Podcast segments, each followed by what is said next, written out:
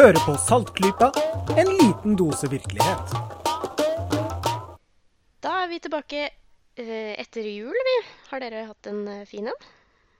Ja. Veldig, veldig. Kjempefin. Ingen, eh, ingen klager?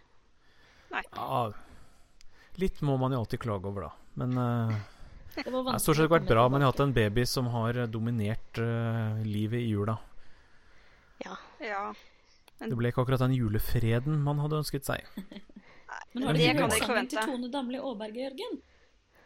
Nei, det har Da er det ikke. julefred med barn i barmen. Ja. Man kan lære av Tone. Mhm. Selv ser jeg ut vinduet nå og ser at endelig julestemningen har kommet. Selv om vi skriver eh, snart midten av januar. Bedre sent enn aldri. Ja. Det er skikkelig blizzard nesten ute. Litt sånn våt snø. Eh, Dette er altså da en episode 90 av Saltklubba. Det er den første episoden vi tar opp i 2015, og da kan vi jo selvfølgelig ikke la være å gjøre dette til en eh, nyttårskavalkade. Eh, Denne gang skal vi bl.a. oppsummere i fjor og se hvem av oss som hadde rett i spådommene vi kom med for et år siden. Og hvem er oss? Hvem har vi med oss i dag? Du er så flink som minner meg på sånt, Jørgen. Det, er, Ja. eh, det har vært jul. Det har vært jul. Kan skylde på det. Nei, eh, For å være litt egoistisk kan jeg begynne med meg selv. da. Jeg heter Kristin, og det har jeg alltid gjort. Og med meg har jeg Jørgen. Hei, hei. Og jeg har med Lisha. Hallo. Og jeg har med Bendik. Ja, Det er meg. Og Marit har tatt seg en tur. Ja, hei, her er! Marit. Det er bra vi er en skikkelig nyttårsgjeng denne gangen.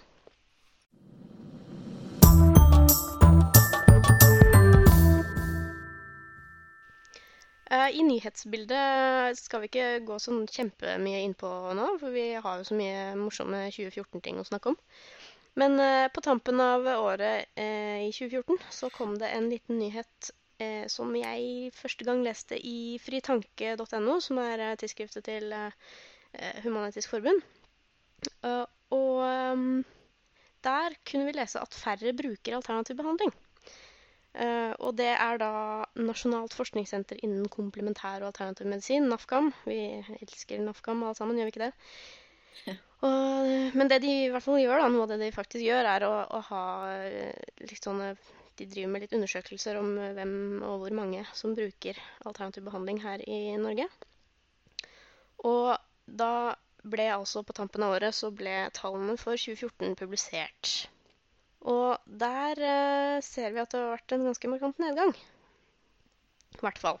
Eh, I hvert fall sånn eh, når man break it up a bit. Jeg kan jo lese her da, at resultatet viser at andelen som svarer at de har mottatt alternativ behandling i eller utenfor helsevesenet, og da altså eh, de, påpeker de inkludert alle former for massasje. Eh, Men det er altså til sammen redusert med 7 prosentpoeng siden 2012, så to år tidligere. Fra 36,6% i 2012 til 29,6% i 2014.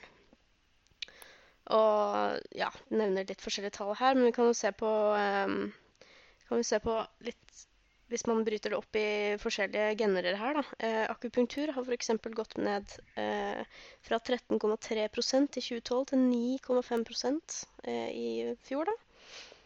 Eh, og så har man eh, f.eks. sammenlignet eh, soneterapi fra 4,4 til 3,7. Healing fra 4 til 3% Kinesiologi fra 1,9 til 1,2. Og så har man da ho- som har hatt den sterkeste nedgangen. Det er litt sånn eh, verdt å bemerke seg. Den har, gått, den har blitt omtrent halvert. Eh, fra 3,5 til 1,9. Det er ganske smalt, altså. Ja, eh, jeg vet ikke. Jeg tror det er en, eh, en eh, robust undersøkelse, dette her? Er det, det er jo ganske små tall fra før, tenker jeg da. Ja. Det er liksom det at Jeg føler alltid at de tallene blir oppblåste fordi at massasje har vært inkludert tidligere som alternativ behandlingsform. Nå har de jo klart å skille mellom massasje tatt for velbehag og massasje tatt som ledd i en slags behandling. Altså Ja, for det er jo- noe. Ja, for det var jo en del av kritikken som kom eh, mot NAFKAM i, eh, etter en undersøkelse de hadde i 2007. Mm. For da hadde de bare inkludert massasje generelt. Og Ja. da, Da ble det jo 50 Da- av befolkningen hadde gått til alternativ behandling. da kunne de plutselig eh, skilte med det, ja. Og si at uh, Trekke frem det i debatter osv. Fjerner du uh, det ble jo selvfølgelig- så Nei, unnskyld, fjerner du massasje, Ja. så er du på 16. Eller var du på 16? da? Ikke sant. Så litt uh, mer nøyaktig undersøkelse denne gangen, selvfølgelig. Um, hva tror du det skyldes, da? Hvis det har vært en nedgang som har en uh, Hvis det ikke er tilfeldigheter, da. Kan det ha vært f.eks. litt uh, samfunnsdebatt som har foregått i fjor?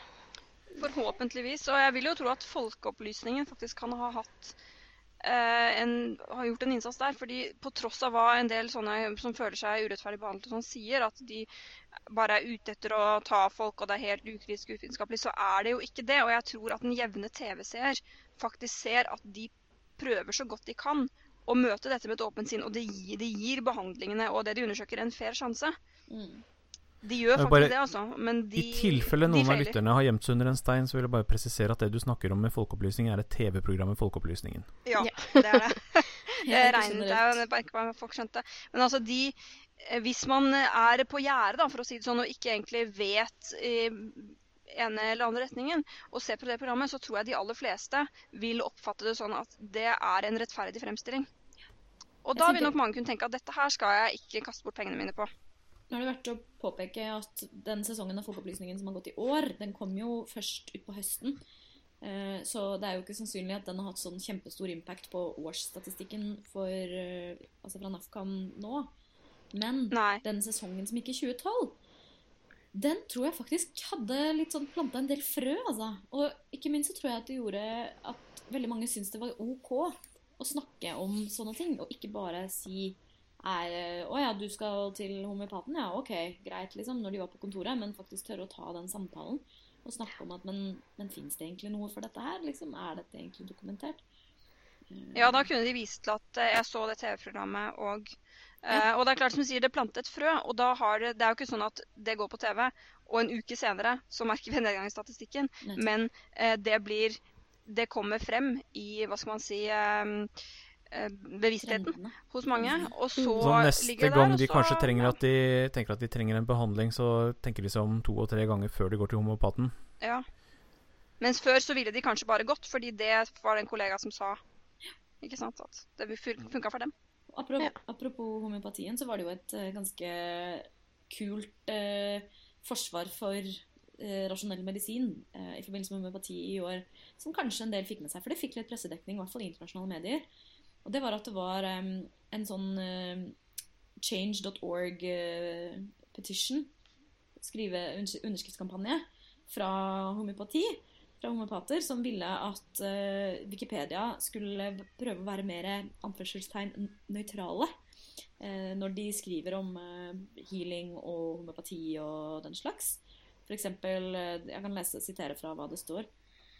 Wikipedia is widely used and trusted. Unfortunately, most of the information related to holistic approaches to healing is biased, misleading, out of date or just plain wrong, sier de, da. Men det er jo ikke det. Det er jo Altså, etter hva vi vet, så er det jo bra. Uh, og de er fornærmet for at, at, mange av disse alternative artiklene konkluderer med 'There is no scientific evidence that TFT is effective', for.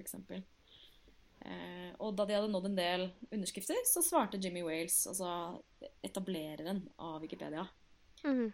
No, you have to be kidding me. Every single person who signed this petition needs to go back to check their premises and think harder about what it means to be honest, factual, and truthful.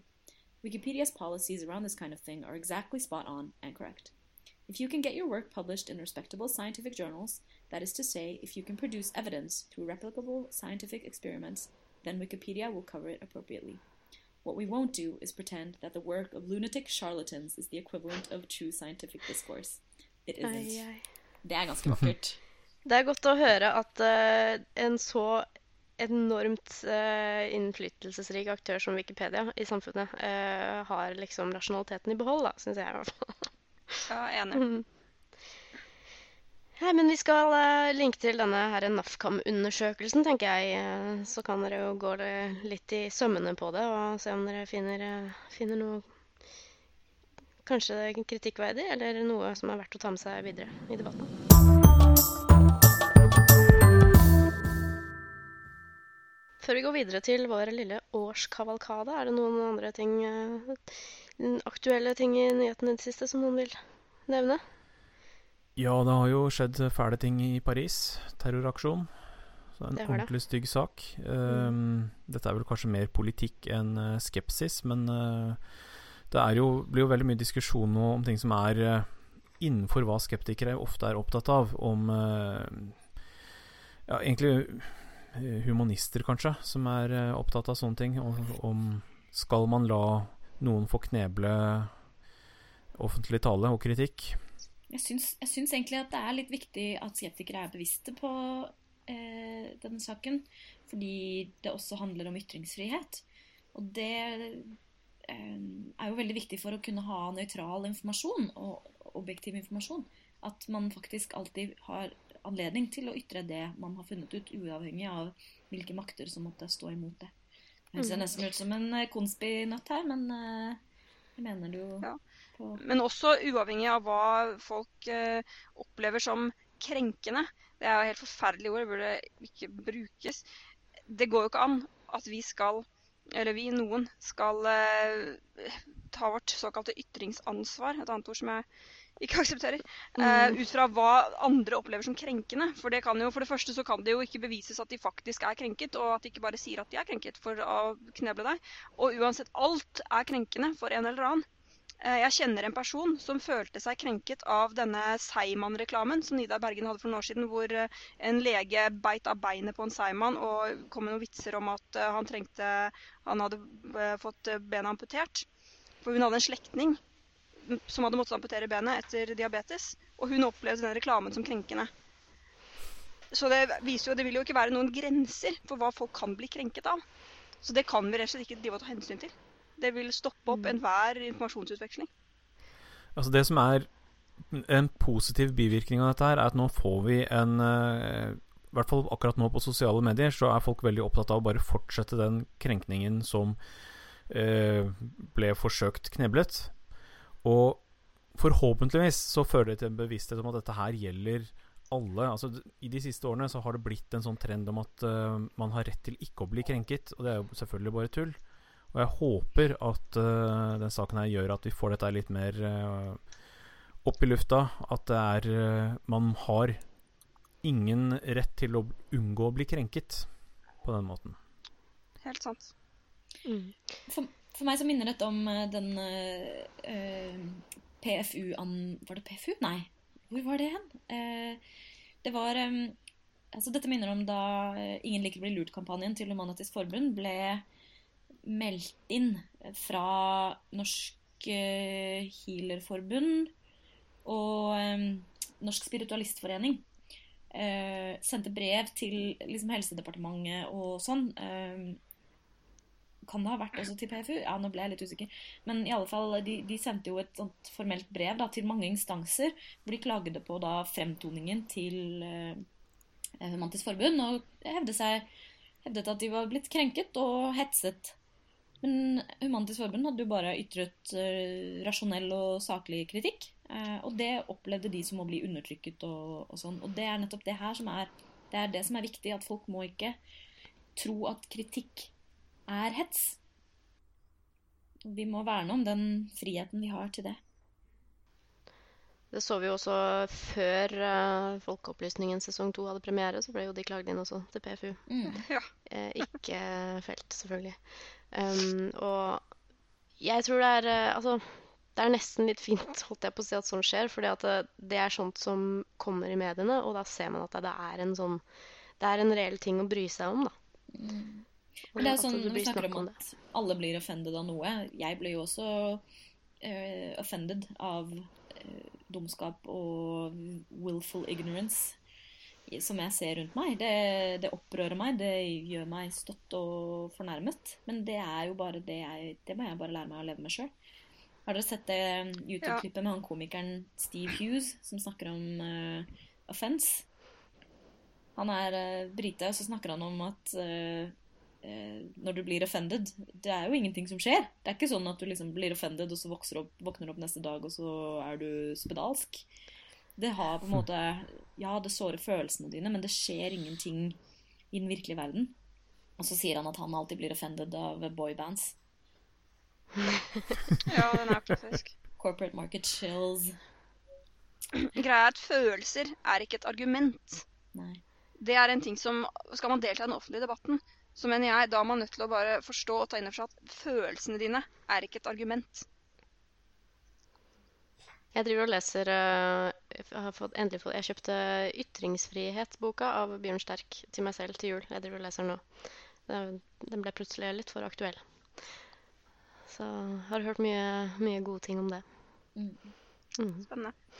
Og for, bare for å nevne det, da, at eh, altså det at eh, denne hendelsen i, i Paris, eller disse hendelsene i Paris, eh, ikke i utgangspunktet kan ses på som utelukkende skepsisstoff, så har det selvfølgelig dukket opp masse som er relevant for skepsisstoff eh, i kjølvannet av det. For det tok jo selvfølgelig ikke lang tid før alle false flag-konspirasjonsteoriene kom opp. Eh, jeg har hørt både at CIA eh, og amerikansk etterretningstjeneste hadde sørget for dette angrepet her, og at Mossad har vært eh, involvert. Så eh, det er også sånne ting som, som, eh, som vi må liksom tenke over, da. Og vise at dette her, det, det er sånn som vi forventet, og det, det skjedde. Og dette er hvorfor det er fullstendig ufruktbart å si sånne ting.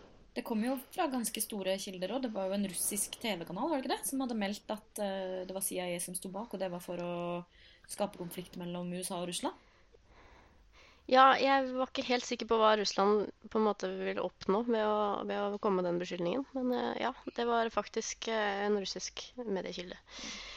Eh, Eller den russiske mediekilden, kan man kanskje si noen ganger. Um, Jeg er også veldig opptatt av å, at dette her kommer sikkert til å bli brukt som ammunisjon til de som ønsker å bevæpne politiet i Norge. I at de må kunne beskytte oss mot slikt. Klart akkurat nå så er politiet bevæpnet i Norge. Eh, Det ble jo sagt fra Justisdepartementet for noen uker, måneder siden. Fjor eh, tidlig, sent på, sent på høsten i fjor. Og det er ikke noe, satt noe dato for eh, å slutte det, mener jeg. Men jeg skal også nevne at i lokalene til Charlie Hebdo så var det to bevæpna politimann. De Det hjalp ikke så mye. Nei, dette er også en eh, sånn politisk debatt som man kan uh, snakke om i det uendelige. Det kan også nevnes på at uh, veldig mange av disse som blir bevæpna nå, uh, hadde ikke sånn kjempelyst til å være det selv, tror jeg. Men Ja. det er jo en annen, ja, en annen debatt igjen.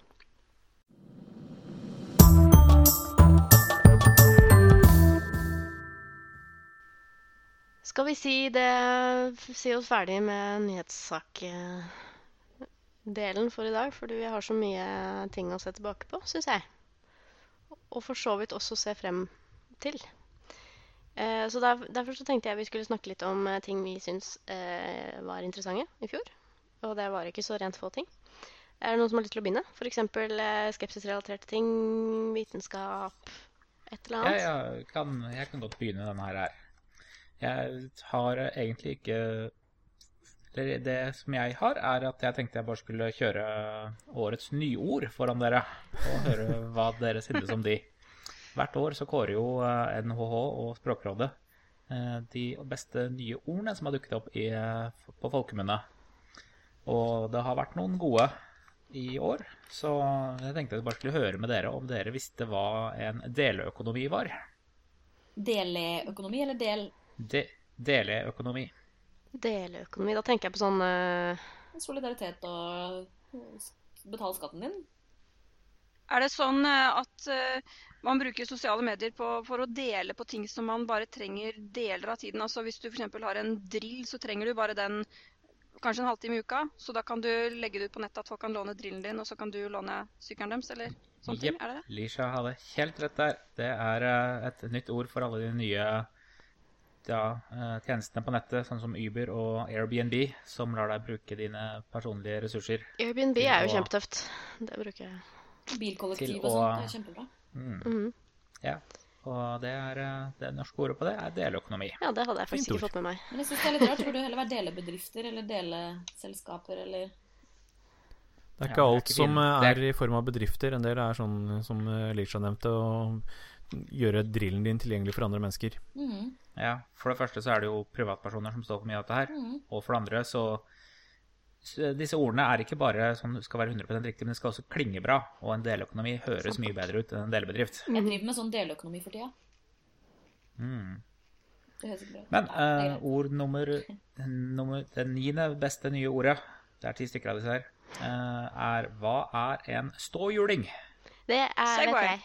Jeg så en i uh, In the corner of my eye på en T-banestasjon her, om- Oi. her om dagen. Yes. Faktisk. Ja, jeg har kjørt det Ja. før. Det var veldig gøy. Det er jo eh, det som på engelsk eh, hele tiden har hett Segway. Korrekt. Bortsett fra at er- Segway er et merke, og det fins andre merker. Så Det det, å ha er- et eh, mer generelt ord er veldig bra. Det er veldig Og sant. jeg, jeg bare sier egentlig at jeg har veldig stor sans for ordet ståhjuling. Altså. Ja. Det er, Det er faktisk et av de, et av de bedre. ja.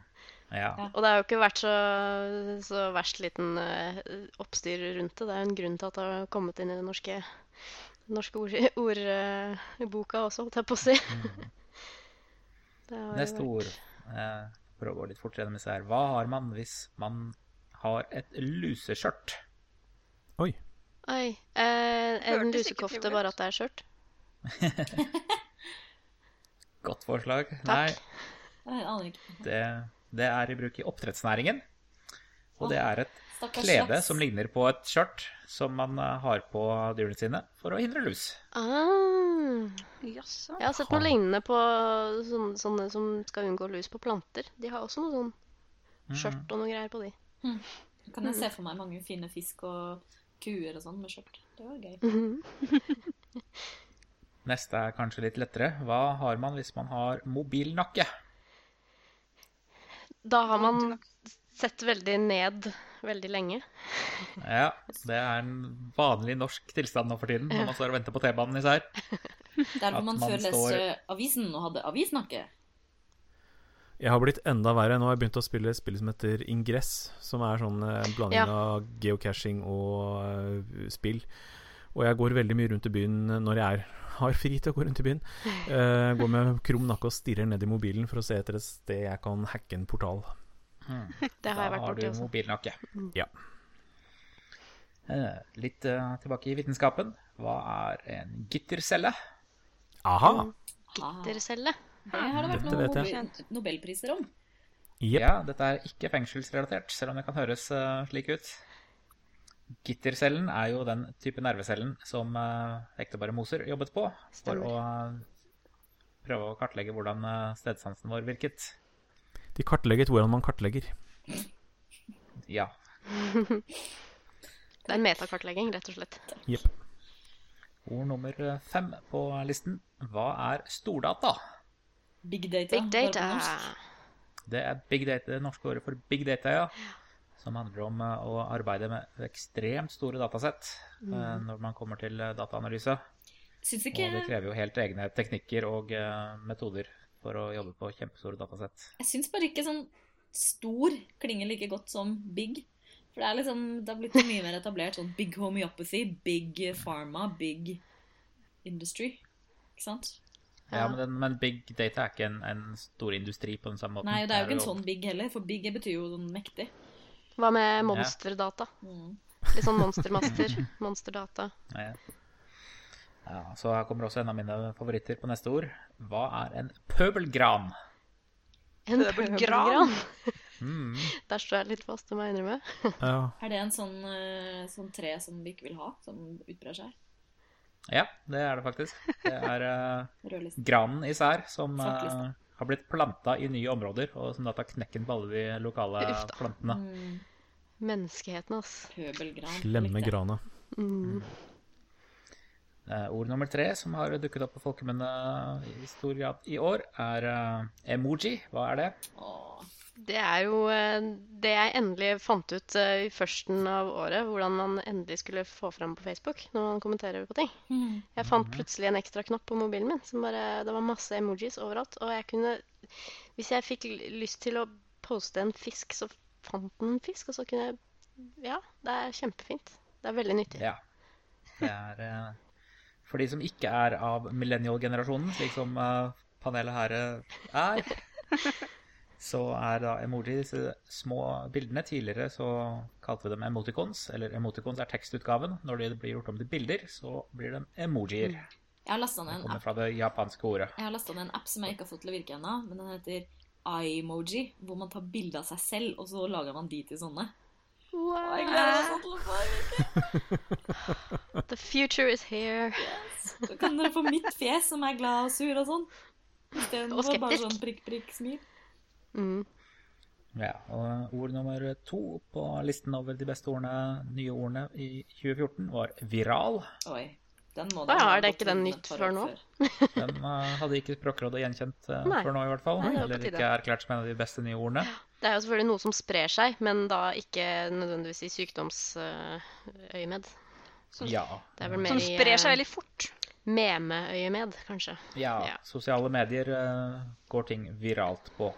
Akkurat som saltklypa. Ja! Ja. Saltklypa.no. Mm, det er fint word. Finn oss på Facebook. Få viral. Ja, men seriøst, finn oss på Facebook. Vi har snart 1000 likes. Det er helt vilt. Og ifølge Språkrådet, det beste nye ordet som eh, dukket opp eh, i fjor, det var fremmedkriger. Hva er det? Det er en som reiser Ja. til et fremmed land for å krige eh, for en sak de tror på. Korrekt. Det blir sånn som fremmedlegion. Så er det visse fremmede Jeg land. leste om det i Donald da jeg var liten. Fremle Ja, det husker jeg. Ja. Det er en ting som egentlig ikke har eh, skjedd så ofte før, men nå har du plutselig fått uh, massevis av medieblest og oppstandelse takket være alle de folkene som reiser for å slåss for eller mot IS. Og det er jo sånn det er med alle ord. altså Nye ord det, de oppstår jo så fort eh, det har vært nok i, i ordskiftet og i samfunnsdebatten. Ja, mange av disse ordene her er jo ikke liksom første gang de har blitt hørt ever i, i, eh, i fjor. F.eks. fremmedkriger ble brukt i 2010 i noen publikasjoner, men når det ordet tok av og ble både relevant og populært, Ja. så kommer de på den listen her. Viral, den syns jeg var lovlig treig, altså. Ja. Ja, det, Ja. Husker det, at jeg var på jobb i 2006 og vi snakket om viral marketing. Det var riktignok ikke Riktig. i Norge, men uh, man visste jo hva det var. Ja, det var eh, min liste for de tingene jeg, som jeg liker, eh, likte i 2014. Det var jo eh, Det var litt av en liste. Jeg syns det var kjempekult. Ja, veldig morsomt. Em,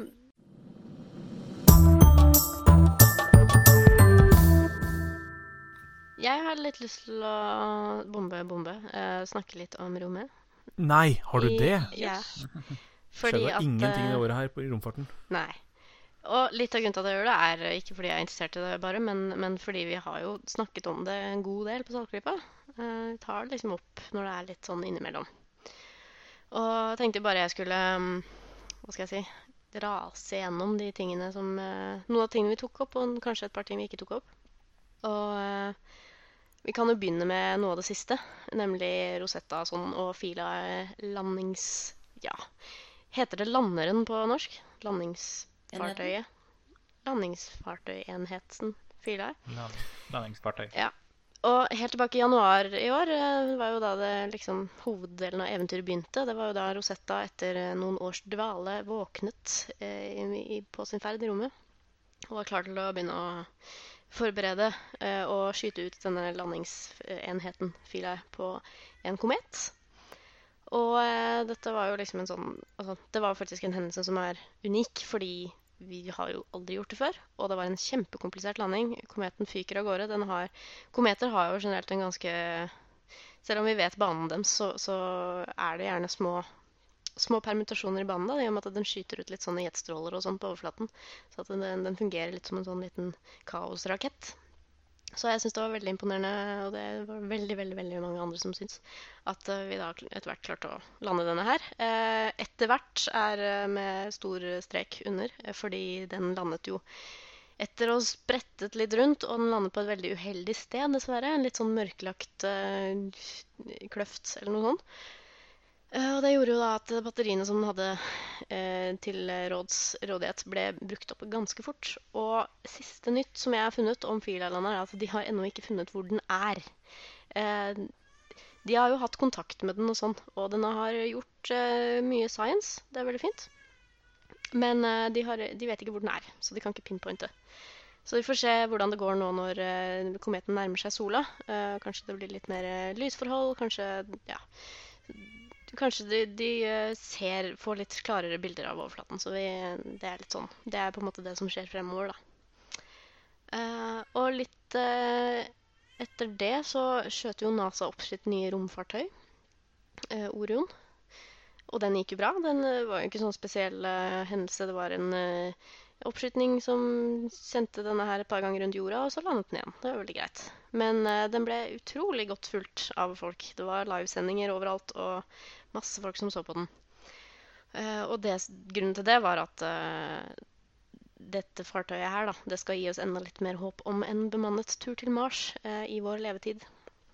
For er det noe eh, NASA skal bruke hvis vi skal til Mars en gang, så er det Orion.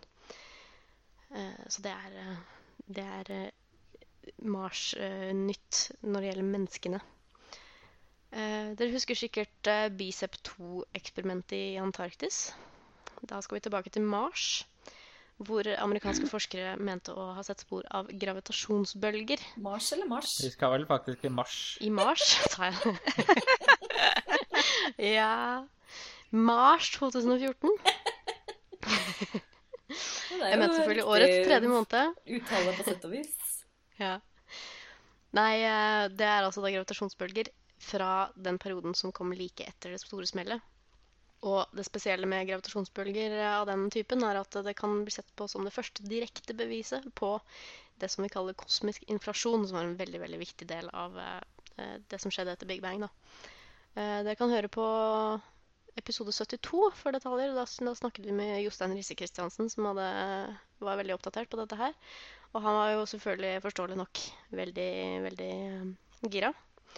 Eh, og så har vi da skuffelsen som fulgte i kjølvannet av dette her, fordi at eh, så kom Planck-satellitten og sa at eh, nei, det var nok bare støy i eh, den kosmiske bakgrunnsstrålingen. Eh, men eh, den hadde jo en litt sånn happy ending, da, siden nå skal jo nå skal jo faktisk Bicep 2-forskerne og Planck-forskerne samarbeide og kanskje finne ut om det kan være noe likevel. Så det gir ikke opp. Og Plank Planck vil da kanskje gi svar, eh, eller i hvert fall flere svar på dette i år som kommer. Vi hadde flere eh, internasjonale romfartshendelser. Eh, Japan eh, sitt romprogram. Eh, det var en, eh, et, eh, en tur til en asteroide med Hayabusa 2. Den ble skutt opp i desember eh, i, eh, og skal studere en asteroide når den kommer frem dit i var det 2018, så det er en liten stund til. Og skal da faktisk da tilbake til jorden da, eh, i 2020, med, sikkert med litt sånn derre eh, Litt sånn derre dat håndfaste data. Kina hadde jo en eh, månelanding i fjor. Eh, den snakket vi også om på Saltklypa, husker jeg. Den eh, søte lille eh, landeren som heter Jade Rabbit. Eh, det landet jo i 2013, men den kom ut av dvalemodus da, i januar i fjor. Eh, etter et par uker så satte den seg dessverre litt fast eh, på måneoverflaten og kunne ikke kjøre videre, men eh, den fortsatte å forske som bare det. India hadde også en veldig vellykket Mars Orbiter Mission, som den het. Den kom i bane rundt Mars i september. Og det som var spesielt med det, var at India ble da det første landet i verden som klarte dette her på første forsøk. Det har vært veldig mange eh, mislykka romferder eh, til Mars. Curiosity, som eh, også ruller rundt på Mars, eh, feiret et Mars-år. Eh, Det vil da si 687 jorddager. Den hadde et lite jubileum. Så hadde vi faktisk Kan jo komme med litt faktisk astronominyheter også, ikke bare romfart. Fordi norsk solforskning har jo muligens blitt nevnt før her at det er faktisk i verdenstoppen. Og det kom da ut en spesialutgave av eh, det prestisjetunge tidsskriftet Science i oktober. Og der var det flere artikler eh, fra norske forskere. Eh, faktisk fra da Universitetet i Oslo. Eh, og de er ganske gode på å studere solvinden og eh, solatmosfæren og oppvarmingen av koronaen i solen og sånn. Så det er stas. Man kan være litt stolte der. Og så vil jeg jo til slutt da nevne eh, eh, ganske tidlig i år, hvis dere husker, eh, husker dere fallskjermvideoen på Schrødingers katt? Ja. Ja. Som ja. kanskje visste at noen nesten ble truffet av en meteoritt, og at det ble fanget på film. Det, det syns jeg er verdt å nevne, for den er litt sånn, den er, eh, en litt sånn kul eh, hendelse. Og så ble den selvfølgelig da denne videoen gått nøye i sømmene, og så fant de ut at det var en liten stein inni fallskjermen som var nærme kamera, heller enn en stor stein lenger ifra. Så det er litt sånn Ja, eh, det var en morsom historie, ass. Så mye Det var oppmerksomhet kjempemorsomt. og Veldig god så mye historie. snakk om meteorer og meteoritter og Ja, eh, forhåpentligvis så lærte mange mennesker om meteoritter. Bare for å, for å trekke frem det positive. Sånn eh, avslutningsvis kan jeg jo nevne litt ting som kommer til å skje i dette året her, som kommer i 2015. Så har vi faktisk en solformørkelse på norsk jord. 100 Oh, Det er i Longyearbyen. Så hvis noen har lyst på en tur til Svalbard, så kan de dra opp dit. Når er det, da? Ja, det har vi Eh, 20. mars. Kult. Ikke mars, men mars. Eh, Men allerede i, eh, på fastlandet så kan man eh, få en ganske god eh, dekning av solskiven. I Oslo blir den på 88 Oi, oi. og hele 93 og 95% i henholdsvis Trondheim og Tromsø. Kult. Så det er eh, litt sånn Solformørkelse er litt sånn stas, syns jeg. Husk eh, å skaffe dere solformørkelsesbriller allerede nå. Mm. Og eh, noe som også skjer, det er at sonden New Horizons kommer til Pluto endelig i eh, juli i år. Så det skal jeg i hvert fall følge med på. Det er gøy, ass. Pluto er skikkelig langt ut. Mm. Så Pluto og dens månesystem har man jo aldri hatt klare bilder av, så det vil man få for første gang. Det er en flyby, det er ikke en landing, men uh, uansett. Det kommer til å være bilder som vi aldri har sett før. Hvor skal den Spennende. På?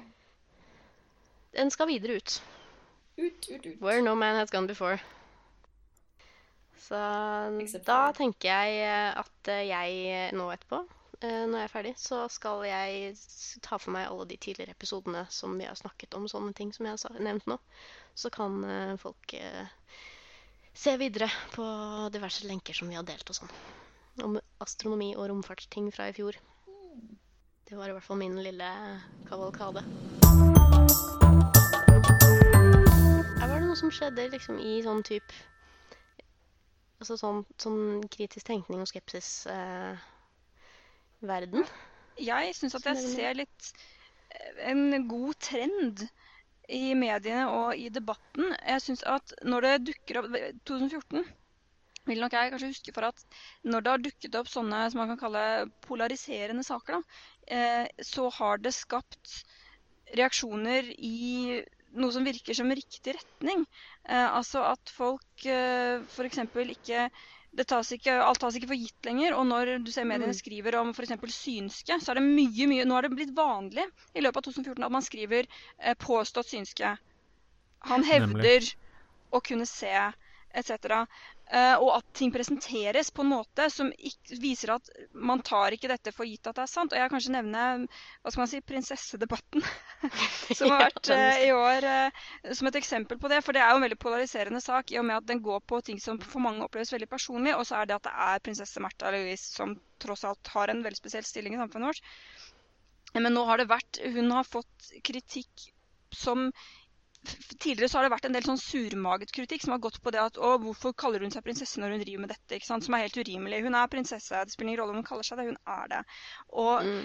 gått på henne som person, og hun er teit, og mannen hennes eh, er en raring, liksom. Det er helt eh, Det har ikke noe med saken å gjøre. Men nå har hun faktisk gjort noe helt konkret som er veldig kritikkverdig. Dette med at hun har hentet Lisa Williams til Norge, og de har tatt seg vanvittig mye betalt for å gjøre noe som er helt umulig. Ingen kan snakke med de døde. Det skjønner de fleste også. Og jeg syns at måten mediene har dekket dette på, har vært veldig positiv. Man har klart å holde seg stort sett saklig.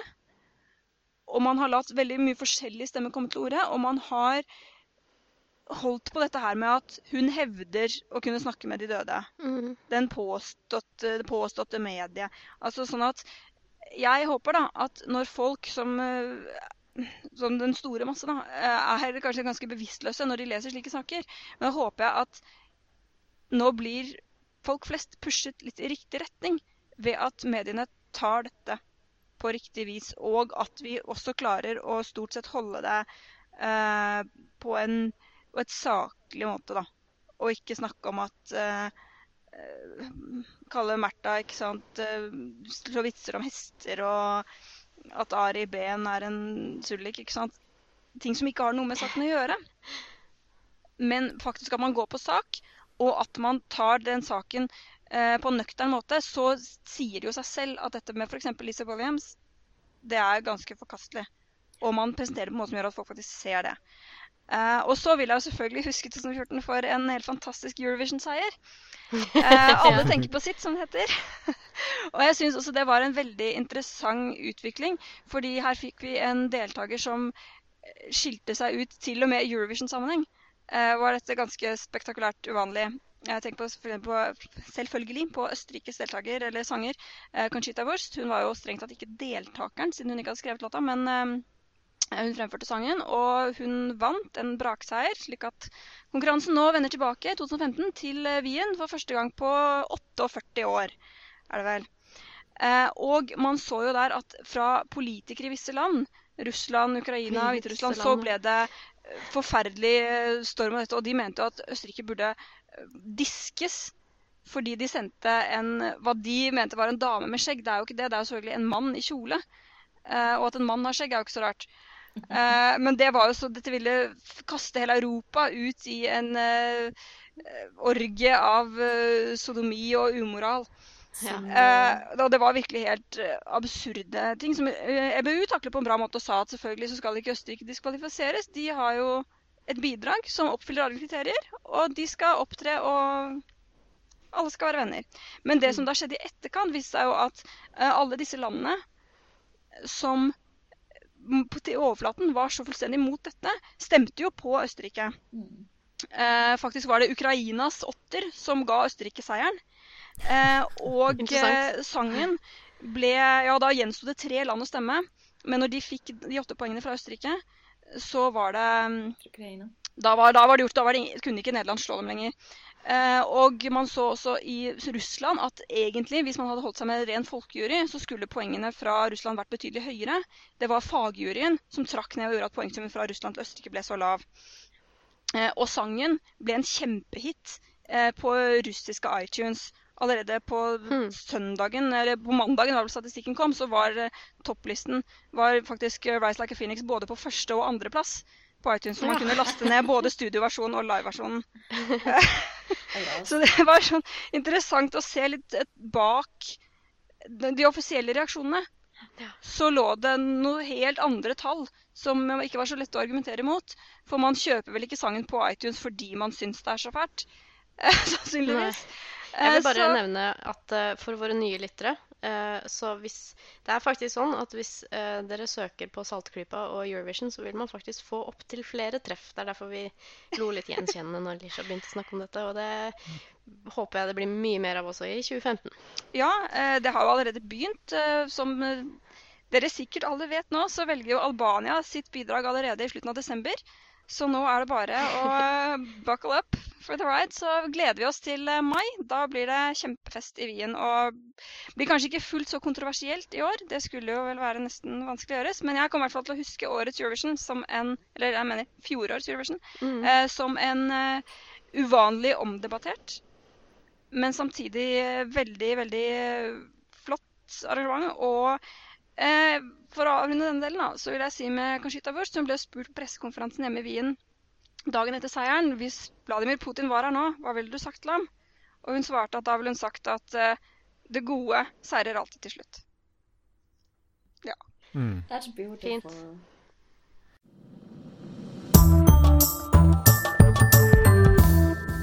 Jeg har også et godt inntrykk av fjoråret når det gjelder debatter og åssen ting har kommet fram. Um, nå nevnte Lisha um, disse ære klarsynte, hvordan de har uh, blitt omtalt som såkalt klarsynte. Og jeg lurer på hvor mye av det som rett og slett skyldes uh, gamle Saltklypa-medlem Gunnar Tjomli og hans uh, artikkel om Vær voksen-plakaten.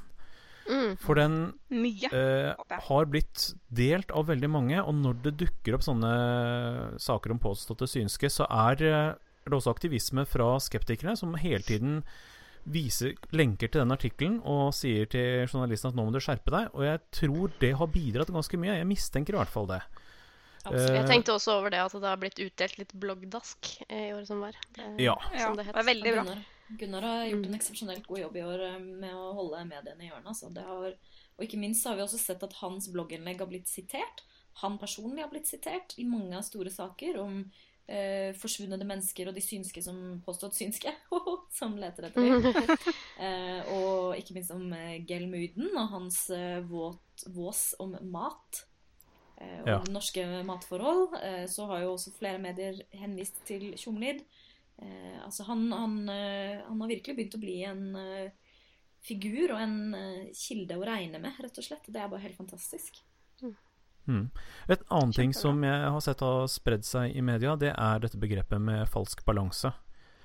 For det er noe som vi skeptikere er veldig opptatt av, i hvert fall vi som er litt erfarne. At uh, man lager falsk balanse ved å sette lage en konflikt ved å sette to personer mot hverandre, hvor egentlig den ene har all fagbakgrunn, og den andre er- driver med vås. Så settes de opp som to like eh, figurer. Og vi hadde jo en sak her eh, nå sent på høsten med han, eh, Hans gårder som ble satt opp mot en faktisk forsker. Ja. Og det, ja, det var en kjempesak. Vi har snakket om den. Men Og poenget var dette, at med- ja, Dette med falsk balanse er at det er, det er noe man ofte gjør i media, men når det gjelder da vitenskapelige spørsmål, så funker det dårlig som Nei, virkemiddel. sant? det er en måte å lage en historie på og lage en spennende debatt på, men det viser ikke virkeligheten. Eh, men poenget er at det har vært mange røster mot disse sakene hvor man har tatt opp begrepet falsk balanse. Sånn at det er et begrep som har begynt å feste seg litt, og er i offentligheten. Og det, jeg har inntrykk av at det er flere og flere som tar hensyn til eh, det nå, og har bedre debatter. Og hvis vi går utenlands, så har jo BBC nå i løpet av året eh, bestemt seg for at de skal kurse sine journalister i å unngå falsk balanse. Mm, det er også noe som kom ut fra en rapport som ble gjort for eh, et par år siden, var det ikke det? Et par-tre år siden. Som jeg tror også vi tok opp i salgsklypa. Uh, hvor det kom frem at det var, eh, det var mye falsk balanse i BBC. Ja Så jeg ser mange positive trekk i år som har gått, altså.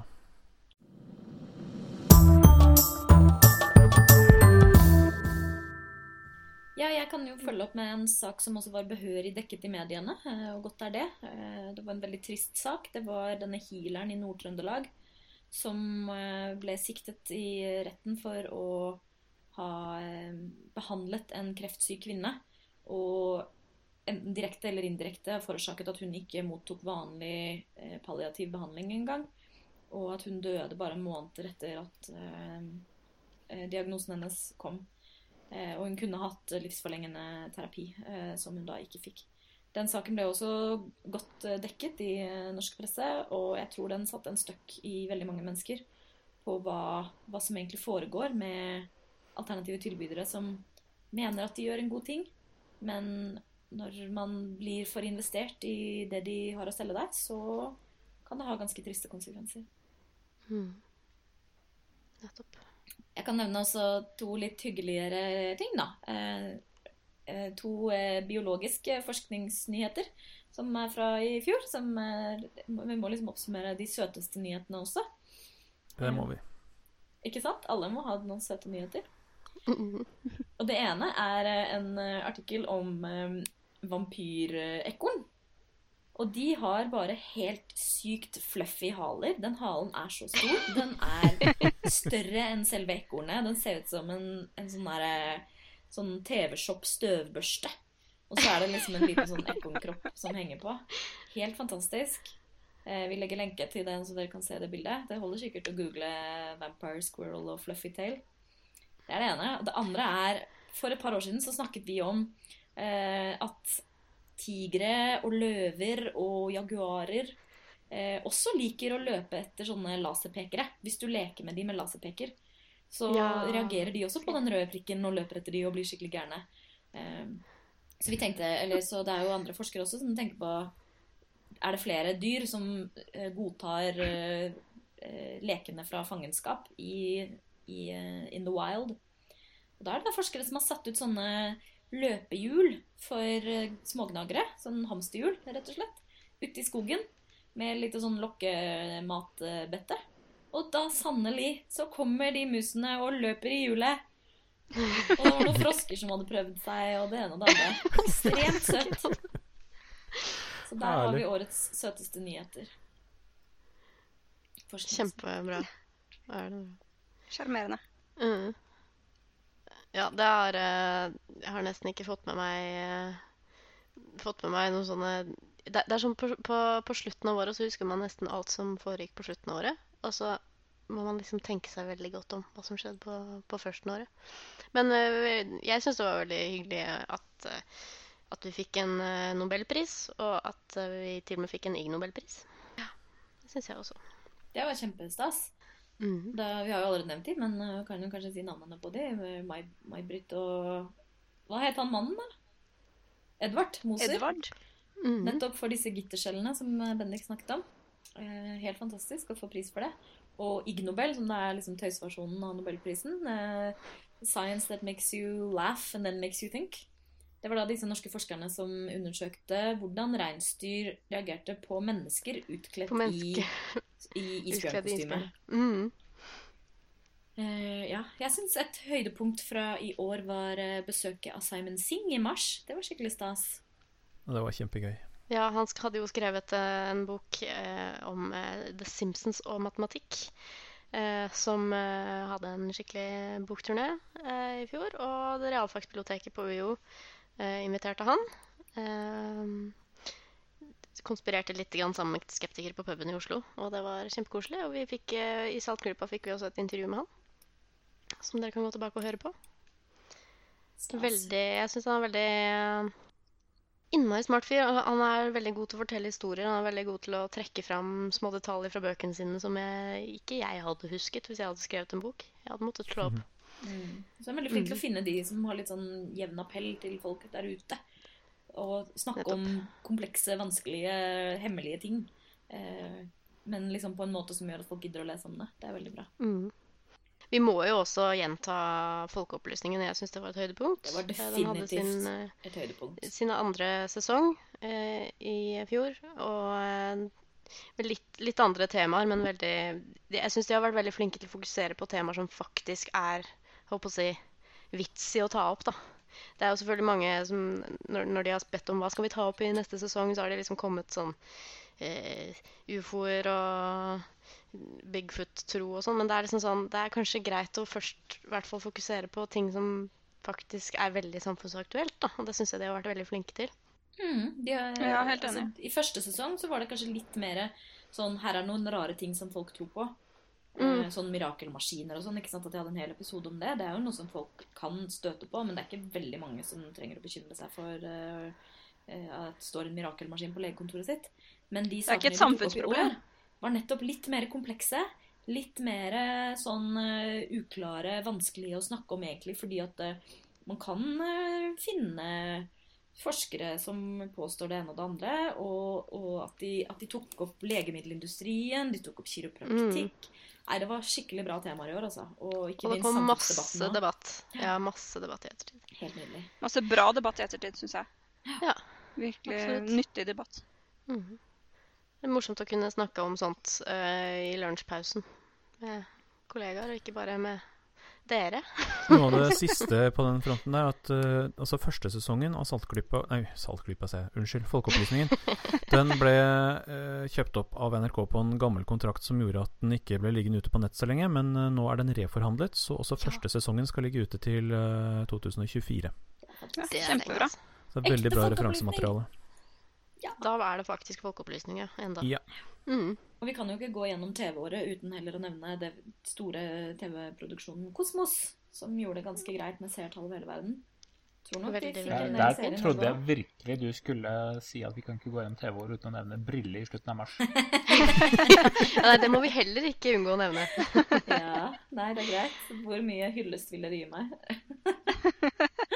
Gitt at, gitt at jeg har fått høre behind the scenes-historiene der, ikke så veldig mye. Ja, det var altså Marit som var med på Brille 24. mars. Og spiste to glass med homeopatisk medisin. Men Ja. uh, behind the scenes-historien er at jeg tok det til feil tid, sånn at jeg ødela alle vitsene til Harald Eia. Fysj og fy. Det er uproft, Marit. Ja, Han bør vel være såpass profesjonell at han eh, kan hente seg inn igjen. Ja, de Det klarte bør han være. Ja. En annen ting Apropos som- Kosmos, har Ja. dere hørt at Neil deGrasse skal få seg eget talkshow? Ja. Late night talkshow, faktisk, synes... i USA. Det er bare en helt fantastisk idé. Jeg bare, hvorfor har de ikke funnet sånn science talkshow før? Det blir jo helt Nei. fantastisk. Og det som er, er at han har jo en podkast som heter Star Talk. Jeg regner med at de aller fleste av dere har hørt om den. Og den, den skal på en måte være en slags talkshow-versjon av den podkasten. Og den er jo veldig god Det- nettopp fordi den tar inn litt sånn uh, diverse folk til å snakke om vitenskap. Det er ikke Ja. bare nerder, liksom. Det er litt ålreit. Nei, ikke sant? Komikere. uh, han har jo liksom. et, et navn og et produksjonsteam bak seg som gjør at han kan snakke med ganske Ganske mange ja, litt sånn Hollywood-skuespillere og ganske store scientists og veldig, veldig, veldig mye forskjellig. Og så pleier han å ha med seg komikere som gjør det morsomt. Mm, det håper jeg fortsetter nå. Ja. Så blir det litt sånn dialog. Eh, og eh, det skal også da foregå på samme sted som Startalk uh, liksom baserer seg på, da, nemlig arbeidsplassen hans. Nemlig den der Hayden Planetarium. Kult. Mm. Awesome. Så det var en liten sånn eh, ting som kommer.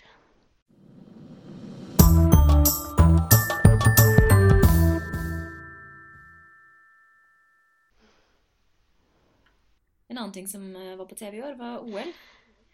Snåsamannen hadde jo masse prediksjoner, og sikkert litt takket være vår gode venn Gunnar, så ble også Snåsamannens prediksjoner en grundig gått gjennom av mediene og avkledt som tilfeldigheter og eh, ikke noe særlig imponerende. Så det var jo litt stas for oss, da. Mm. Mm. Ikke at jeg liksom higer etter å gni ting inn i den søte gamle mannen, men eh, det var fortsatt forfriskende. At ikke bare at de sa hva han spådde i forkant, men at de også snakket om det i etterkant. Ebola-saken, da, den var sånn supersak. Det i året var. var en stor og flott sak som Altså, forferdelig Unnskyld, forferdelig sak. Eh, men det har vært veldig bra for å heve folkets eh, forståelse av eh, både vaksiner og helseproblematikk verden over. Det har vært veldig mye god vitenskapsdekning i forbindelse med ebola-epidemien. Så det er mange som har liksom måttet skjerpe seg litt der, tror jeg. Mm. Ikke minst så fikk vi et kjempebra sånn eh, vitenskapelig forbilde i Silje Michaelsen, som etter å ha blitt smittet og ha blitt frisk, reiste ned igjen. Hun Bare, bare altså hadde tillit til rutinene som var. Selv om hun var blitt smittet, så visste hun hva hennes egne risikoer var. Det tror jeg var et veldig sterkt bilde for mange. Absolutt. I motsetning Yes. til homeopater uten grenser som dro dit Jeg til å for å gi homopatiske midler til ebola-ofre. Det fikk jo også mye mediekritikk. Ja. Heldigvis. Det kan du si. Nei, det altså Vi kan jo det, Vi har sikkert en like lang liste til med ting som skjedde på i fjor. Hvis det, det er siste sjanse nå til å komme med én ting som skjedde i fjor, som dere kan snakke om. Før vi går over til våre spådommer. Da må jeg nesten Spådommer! nevne Ingunn Røiseland, som har blitt rikskjendis. For Men eh, forsøk- Sigurdsdatter heter hun nå, da. Unnskyld, Sigurdsdatter. Mm. Eh, som har blitt rikskjendis på sine forsøk på å melde seg ut av den norske staten, og på å hevde at siden fødselsattesten er et verdipapir, så er vi alle slaver av statens økonomi. OSV. Den, eh, den konspirasjonsteorien der, den fikk jeg faktisk eh, servert eh, ikke av noen på jobben, men eh, bare på vei til jobben for eh, en ukes tid siden. Så hang det en liten påklistra lapp utafor kontoret mitt, hvor det sto Jeg husker ikke navnet på nettsiden, men True Name Scam eller noe sånt noe. Og jeg kjente jo henne med en gang, selvsagt. Bare wow, her er det noen som mener at ditt navn er eh, bevis på at eh, staten har tatt ut verdipapirer i deg, og du er en slave, osv., osv., osv. Og sjekket jeg nettsiden og fant ut at ja, det stemmer, det. Det stemmer bra. Crackpot eh, gærning som hadde laget nettside og masse videoer og sa at hvis du, men bare hvis du byttet navn eller begynte å bruke et annet navn, så ble plutselig hele den kontrakten invalidert. Og Jeg har sett det at de alltid skriver navnet sitt i først og caps lock. fremst, men, Lett som en blett. De, eh, de som tror på dette her, de skriver alltid navnet sitt i capslock, gjerne med noen stjerner rundt og sånn. Da er de liksom personen, og ikke navnet. Aha. Eh, For en god gjennomgang av den saken så anbefaler jeg veldig sterkt eh, Torgrim Eggens artikkel i Humanist som heter 'De som hater staten'. Eh, Vi legger på lenke på den. Den er knallgod og gjennomført. Da gjør vi det. Absolutt. Så bra. Og de, ja, de, de, de aller fleste, om ikke alle tingene vi har snakket om i dag, eh, er jo ting som vi har snakket om i Saltgruppa i 2014. Så det, det går an å titte litt tilbake, til, eh, tilbake i arkivet der hvis det er noe som høres interessant ut og dere vil vite mer om.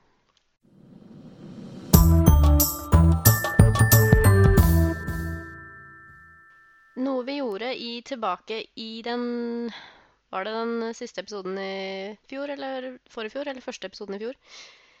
Eh, Det var å gjøre litt sånn Det er litt sånn tradisjon noen steder at man kommer med sånne spådommer. Fordi at eh, ha-ha, vi kan jo ikke spå, men eh, det er litt gøy å gjøre det for det.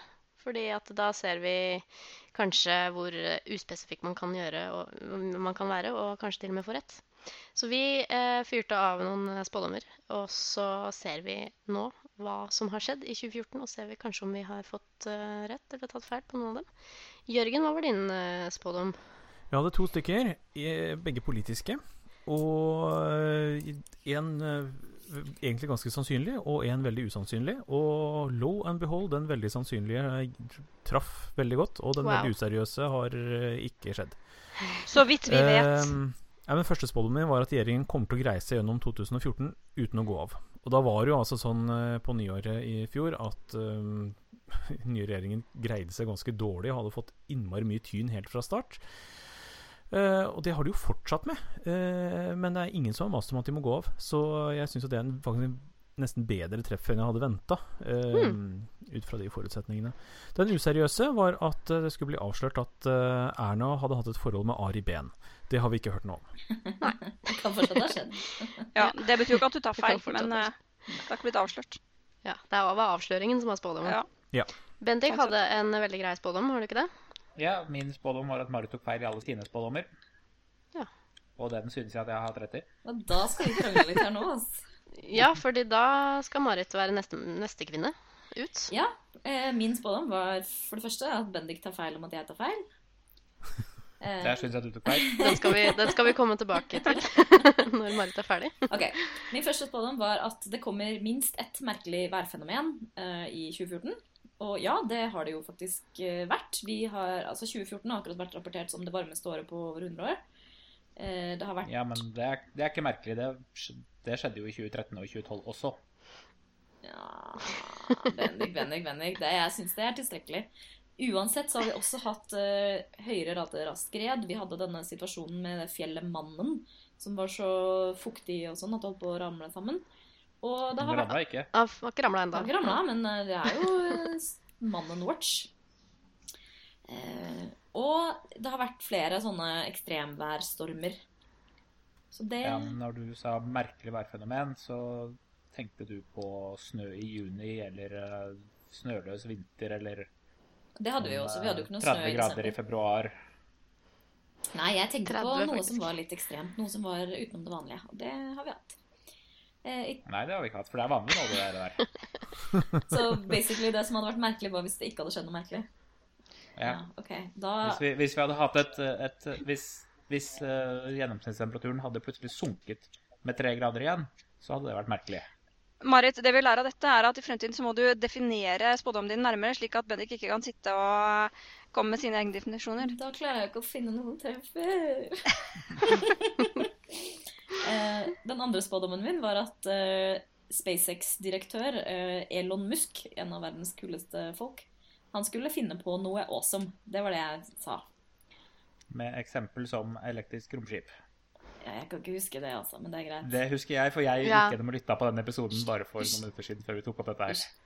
Men jeg syns han har faktisk kommet med noen uh, kule ting. Uh, for det første så annonserte han uh, i juni at selskapet hans vil tillate at alle deres teknologipatenter kan brukes av hvem som helst.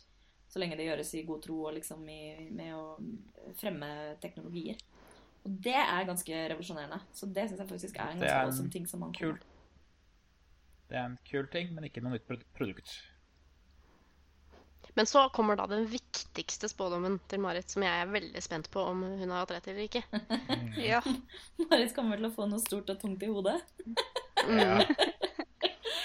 Du er her jo fremdeles, så det kan i hvert fall ikke ha vært så stort og så tungt. Nei, Det er fint. Jeg kan faktisk ikke komme på at jeg har fått meg en smell i år, altså. Du husker Yes. ikke, nei? Nei, Nei. jeg husker ikke. Da har det sannsynligvis skjedd. Nei, så hva er, hva er eh, konklusjonen om at Bendik tok feil om at Marit tar feil? Jeg syns jeg har rett om det. Da. Jeg synes syns jeg. Marit har rett om Elon Musk. Han har kommet med ganske mye annet også. Um, uten at jeg skal ta alt her nå. Men uh, ja. Han holder Elon Musk koken er- som en eh, innovativ fyr. Ja, den siste nå var eh, at de driver og jobber med en eh, ny lader til eh, Teslaen som skal komme krypende bort til bilen og lade bilen av seg selv. Den kommer krypende som en slange. Det jobber de faktisk med. Å, det er så fett. Sinnssykt kult. Den mannen er bare framtida. Det er dritkult. Han er litt sånn Tony Stark, nesten. Mm. Altså det navnet, da. Elon Musk. Ja, ja. Mm, samme greia. Lisha, da? Hva var det du spådde? Eh, Spådommen min var at eh, pga. Eh, visse personer, ikke i regjering, men som gir sin støtte til regjeringen, så kommer vi til å diskutere en masse tøys og ikke snakke om det som ting faktisk handler om. Og jeg har vært litt positivt overrasket. Det har ikke blitt så mange sånne debatter um, som jeg hadde fryktet. Men de som har vært, har jo vært ganske unødvendige. Og jeg vil da trekke frem særlig denne debatten såkalte om revisjonen av trygdelovverket. Hvor jeg syns vi har snakket eh, helt på siden av saken. ved at Vi snakker om at folk eh, fortjener støtte og ditt og datt. Og det er mange det er synd på, og de fortjener hjelp fra staten og bla, bla. Når det som vi egentlig burde snakke om, er det at vi har faktisk ikke disse pengene. Som det koster. Og det er jo der det ligger. Eh, Man er vel ikke uenig i at det er mange som kan fortjene hjelp og støtte. Men det koster penger, og har vi ikke de pengene, så spiller det ikke så mye rolle hvem som fortjener hva. Og det har vi jo ikke snakket om i det hele tatt. Så jeg syns at eh, jeg tok litt feil i at det har ikke vært så mye av det som jeg hadde fryktet. Men jeg hadde litt rett i og med at det faktisk har skjedd, dessverre. Og jeg syns at KrF, som da er mitt hatobjekt i denne saken, eh, har stort sett bidratt med tøys og tull og tåkelegging og ikke noe konstruktivt i året som har gått. Som forventet. Mm. Eh, Jeg skal nevne fort. Jeg spådde at det kom til å være massedød av fugl et eller annet sted i Nord-Amerika. Beundringsverdig konkret, Kristin. Eh, Nei, massedød av fugl. Ja, Beundringsverdig av deg å komme med noe så konkret, i motsetning Ja, til oss andre. Ja. Eh, Og for første gang i mitt liv så har jeg synes at en kristenfundamentalistisk endetidsnettside har vært en uvurderlig kilde til dette her. For de, jo, de følger jo dette med stor interesse og kartlegger hver eneste lille lokalnyhetsmelding eh, over hele verden om slik massedød av dyr. Så jeg trengte bare å bla gjennom den for 2014. Og så søke på Nord-Amerika, USA, Canada. Og det kom masse, masse død av fugl. Eh, enda mer fisk. Det var helt vanvittig. Jeg er veldig glad jeg ikke spådde fisk, for da hadde jeg hatt veldig mye å liste opp. Men jeg kan sånn nevne sånn Noen av de jeg fant, eh, det var sjøfugler i Oregon eh, to ganger, tror jeg, som eh, ble eh, spotta på kysten. Masse døde fugler. Det ble masseavliving av fjærkre pga. fugleinfluensa i Canada. Eh, sjøfugler utenfor kysten av San Fran eh, ble funnet døde. Eh, det var fugler som falt ned fra himmelen i Oklahoma City. Masse døde fugler på stranden igjen i Canada, i Winnipeg. Eh, hundrevis av småfugler datt ned i hagene til folk i Pennsylvania. Masse døde fugler på en strand i California. Masse av ender nær Great Lakes-områdene. Så eh, jeg erklærer meg herved synsk og skal sende inn min, eh, min søknad til, um, til JRF eh, etterpå. når jeg har tid. Nå, når vi prata om det her i en av de tidligere episodene våre, så fikk vi etablert at det her skjer jo faktisk ganske jevnlig, da. Det er jo egentlig noe av det denne her endtimeprophecy.org har eh, faktisk, kanskje uten å ville det selv, hjulpet oss med å se, er at dette skjer hele tiden. Og det skjer hvert år, og det skjer omtrent like mye hvert år. Og felles for de aller fleste er ting som skjer med klimaet. At det er veldig kald vinter et sted. At det har blitt eh, At næringskildene deres har dødd ut sånn at de ikke har fått nok å spise. Og også da sykdomsutbrudd. Så det er ting som skjer hele tiden. Så jeg skal, jeg skal si det, altså. At det var eh, selvfølgelig en lite virkemiddel jeg brukte her. Jeg er eh, helt, helt enig.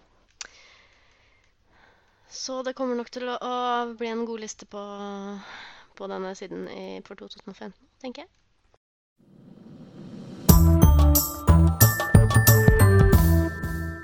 Um, vi tenkte liksom vi skulle ha Jeg vet ikke. Det er jo selvfølgelig et par av oss som har vært litt sånn uh, uopplagt og trøtte i det siste. Men er det noen som har noen sånne litt sånne kåringer? Fordi årets greie er liksom en, en ting som mange snakker om. Jeg kan godt komme med min, mine to årets forviller og årets formidler, jeg. Gjerne det, Bendik. De er veldig, veldig kjappe og greie. Årets forviller er alle de personene som pratet mer om kjolen til May-Britt Moser under Nobelgallaen enn om faktisk arbeidet hennes, selv om kjolen var relatert til arbeidet. Og årets formidler har jeg lyst til å gi til Magnus Carlsen for å vise oss alle at nerding fremdeles er gøy. Ja, så bra. Eh, jeg vil gi årets formidler til eh, vår hva skal si, ekskollega eh, Gunnar Tjomli. For jeg syns at dette året her, 2014, har vært det året da han virkelig har fått gjennomslag. Og du ser at han blir sitert, og at folk faktisk virkelig leser det han skriver og tar det til seg. Ikke bare vi som på en måte er lesekretsen hans, men også folk i de yrkesgruppene som han er veldig flink til å daske. Og ja, jeg syns at han har fått det store gjennombruddet sitt i år. Og det er jeg veldig glad for. Jeg syns at de som det gjelder, de tar til seg det han prøver å si på en eh, veldig bra måte. Mm. Mm. Så bra. Absolutt. Så Er det noen du har som årets forviller, da, Lilla? Noen som syns det var helt motsatt? Vet du hva, Det er jo så mange. Ja. Så man vet jo ikke hvor man skal begynne. Men jeg syns faktisk at som, Man kan måtte generelt nominere mainstream media, men jeg syns faktisk at det har blitt en betydelig bedring i år. Mm, ja, det har vi jo Faktisk. snakket om i denne episoden. Ja. Det er jeg faktisk enig i. Så det hjelper litt på humøret. Det gjør det. Det gjør det. Vi gleder oss til å se enda mer bedring i 2015. Mm. Jeg har eh, egentlig bare én ting å si, og jeg har lyst til at eh, dere som hører på også, skal eh, si litt om hva dere syns var fint. Og fælt. Og dumt og smart og kult i eh, det året som har vært. Og kanskje fokusere litt på ting som har skjedd her i landet, i og med at det er det vi prøver å fokusere på i Saltgruppa. Eksempel eh, sånn som vi har snakket litt om nå, hvem syns dere fortjener liksom en sånn hedersbetegnelse som årets formidler, eller eh, forviller, da. Altså, En som faktisk har vært veldig håper å si, flink til å komme med pseudovitenskap, enten i mediene eller andre steder. Hva med f.eks. en ren eh, happening som har med skepsis å gjøre i 2014? Hva tror dere det, hva syns dere det har vært? Eh, veldig kult om dere sier det, f.eks. i kommentarene til denne episoden som vi legger ut. Og, eller på Facebook-sida vår, og eller på Twitter. Eh, og eller sender en e-post til oss på post at saltklypa.no. Eh, så vet ikke om det er noen noe avsluttende ting dere har lyst til å si om eh, året som eh, har vært? Nei. Nei. Jeg kunne snakket om det i det lange og vide og brede, men det ville vært mine personlige ting. For det har vært et uh, viktig år for meg uh, på mange områder, men det skal jeg spare lytterne for. Vi vet jo aldri at det, vi vet alle at det har vært en veldig hyggelig, hyggelig år også for et par av oss. Så det er veldig, veldig kult. Um, ja, masse, masse, masse linker og sånn kommer det til å være i det notatene på denne episoden, så det er bare å go forth og educate yourself, som det heter på godt norsk. Da tror jeg vi uh, rydder av, runder av. Er, er ikke det greit å, å gjøre? Jo. Jo, Jo, det syns jeg er på tide. Det Vi er kan eh, ønske godt nytt år til alle sammen. Absolutt. Godt Mm. nytt år. Ja, det? Og så Godt fortsetter vi å høres vi eh, om et par ukers tid. Ha det bra. Det gjør vi absolutt. Ha det. Ha det. Ja, da, da. Saltklypa lages av Kristin Lisha, Jørgen og Bendik. Har du spørsmål, anbefalinger, ris eller ros, send det til post at saltklypa.no, eller finn oss på Facebook. Lenker til alt vi har snakket om i episoden finner du på saltklypa.no, hvor du også kan abonnere på podkasten for å få hver episode levert på døra helt gratis. Takk til Smart 9000 fra Evig poesi, som har laget kjendismelodien vår.